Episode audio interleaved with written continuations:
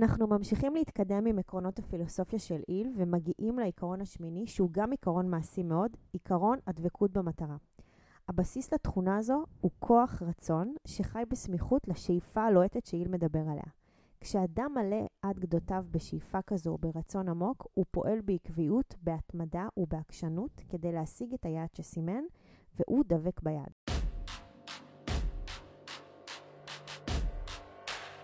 ברוכים הבאים למדברים השקעות עם עמית ואגר.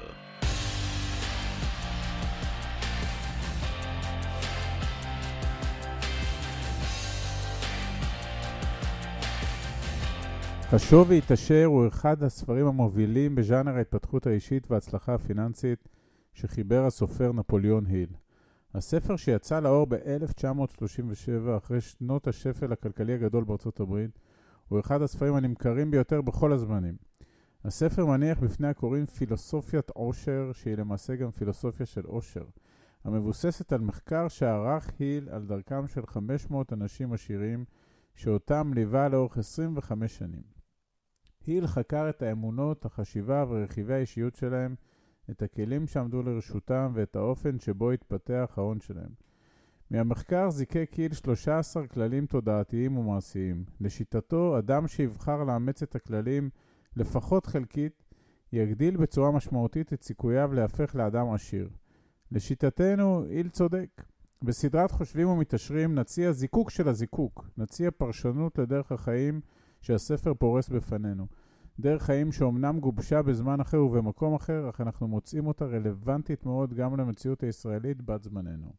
אנחנו ממשיכים להתקדם עם עקרונות הפילוסופיה של היל ומגיעים לעיקרון השמיני שהוא גם עיקרון מעשי מאוד, עיקרון הדבקות במטרה. הבסיס לתכונה הזו הוא כוח רצון שחי בסמיכות לשאיפה הלוהטת שהיל מדבר עליה. כשאדם מלא עד גדותיו בשאיפה כזו או ברצון עמוק כזה, הוא פועל בעקביות, בהתמדה ובעקשנות כדי להשיג את היעד שסימן, והוא דבק ביעד. איל סבור שאדם שרוצה להתעשר חייב להחזיק בתכונה הזו. דבקות במטרה שתבוא לידי ביטוי בשורה של צעדים מקדמים ובהתמודדות עם מכשולים, דבקות זו תהיה ההוכחה לעומק הרצון שלו להיות עשיר. והבשורה הטובה שמביא תועיל בהקשר הזה היא היכולת לרכוש ולחזק את התכונה הזו. הוא טוען שעל אף שרוב האנשים לוקים בחוסר דבקות במטרה, ניתן להתגבר על החולשה הזו באמצעות השקעת מאמץ, באמצעות הגדלת עוצמת השאיפה, או במילים שלו, על ידי הפחת אש גדולה יותר מתחת לשאיפות שלך. ובמילים פשוטות יותר, לרצות יותר ולשאוף יותר. זה חלק מתודעת השבע שאנחנו עוסקים בה וחיים אותה בעצמנו לאורך השנים האחרונות, ושואפים להגדיל את מעגל האנשים שחיים אותה בעצמם. לפי היל, הלך הרוח הזה של דבקות במטרה מושתת על מספר יכולות שאדם יכול להחזיק בהן ולטפח אותן. אלה הן הגדרת מטרות בהירות, תכנון תוכניות ברורות, ביטחון עצמי, ידע מדויק, שיתוף פעולה וכמובן שאיפה, כוח רצון ויצירת הרגלים. אגב, אולי הבחנתם בעצמכם שחלק מהיכולות באוסף הזה, למעשה כולן, בתצורה כזו או אחרת, משחקות באופן לא מפתיע גם בתפקיד עקרונות היסוד בפילוסופיות העושר של היל. החזרתיות הזו היא בעינינו ביטוי לחשיבותן. לאחר שפירט את היכולות האלה, היל מציע לקוראים לערוך ספירת מלאי עצמית ברוח הרשימה שיצר ברור אישי של התכולה שאנחנו נושאים עמנו ושל התכולה שהיינו רוצים להצטייד בה או לשפר. אנחנו מצטרפים בחום להמלצה החמה ולאמירה שלו לפיה ניתוח הדברים אף עשוי להוביל לגילויים שיעניקו לך תפיסה חדשה של עצמך. עכשיו, אחרי שאמרנו מעשיות, נכון? איך אנחנו מחזקים בפועל את העקשנות, את ההתמדה, את הדבקות. אחרי שהגברנו את האש מתחת לשאיפה לאושר, איל חוזר על ההמלצה שלו להקיף את עצמנו באנשים ששואפים כמונו וחושבים כמונו ומעודדים אותנו להגשים יעדים, ובמקביל הוא ממליץ לפתח הרגל של דבקות במטרה. הרגל של התעקשות שמניע את מי שמסגל אותו לעצמו במסלול התקדמות אישי, שיצר לעצמו ובנוי למידותיו. ההתעקשות הזו צריכה להיות בהתאם למטרה מוגדרת ולתוכנית ברורה, ולא פחות חשוב, מלווה במוח נעול מפני השפעות שליליות. רוח השלובה בחומר, רוח שיוצרת חומר. איל בדרך שלו שוזר בהתייחסותו לעקרון הדבקות במטרה לא מעט סיפורים מהחיים, ואנחנו בחרנו לציין כאן שניים מהם, שלדעתנו ממחישים היטב את ההתעקשות שלו על ההתעקשות ואת העוצמה שלה בדרך להגשמה. אז הסיפור הראשון הוא סיפור של הסופרת האמריקאית פאני הרסט, שהגיעה אי שם בתחילת המאה הקודמת לברודוויי, משאת נפשם של אמנים רבים, במטרה להפוך את הכתיבה שלה לאושר.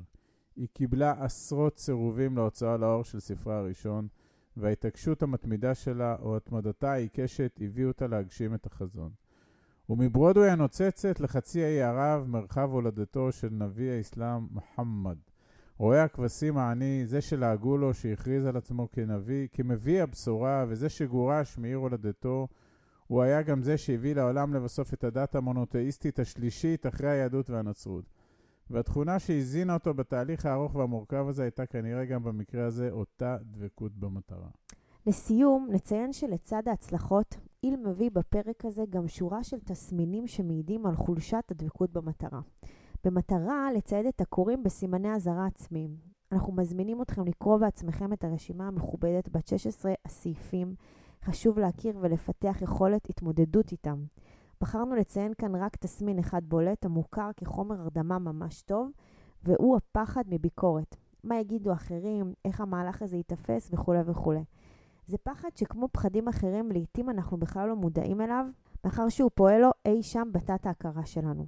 ובכך תמונה הסכנה הנשקפת ממנו, שהביטוי המרכזי שלה הוא פשוט חוסר התעוזה, חוסר התכנון וחוסר העשייה. פשוט חוסר, שהוא ההפך מהאושר ומהדרך אל האושר שדורשת מעשים.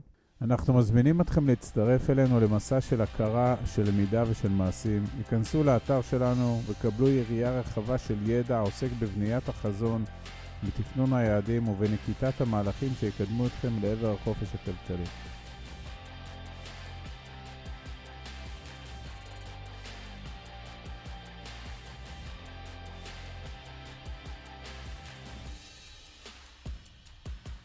עד כאן להפעם.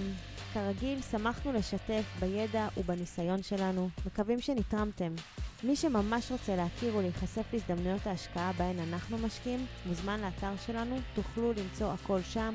אנחנו כמובן גם פעילים בכל הרשתות החברתיות, מוזמנים לעקוב אחרינו. אם אתם מכירים אנשים נוספים שהתכנים שלנו יכולים לסייע להם, נודה לכם מאוד אם תשתפו אותם. להתראות חברים.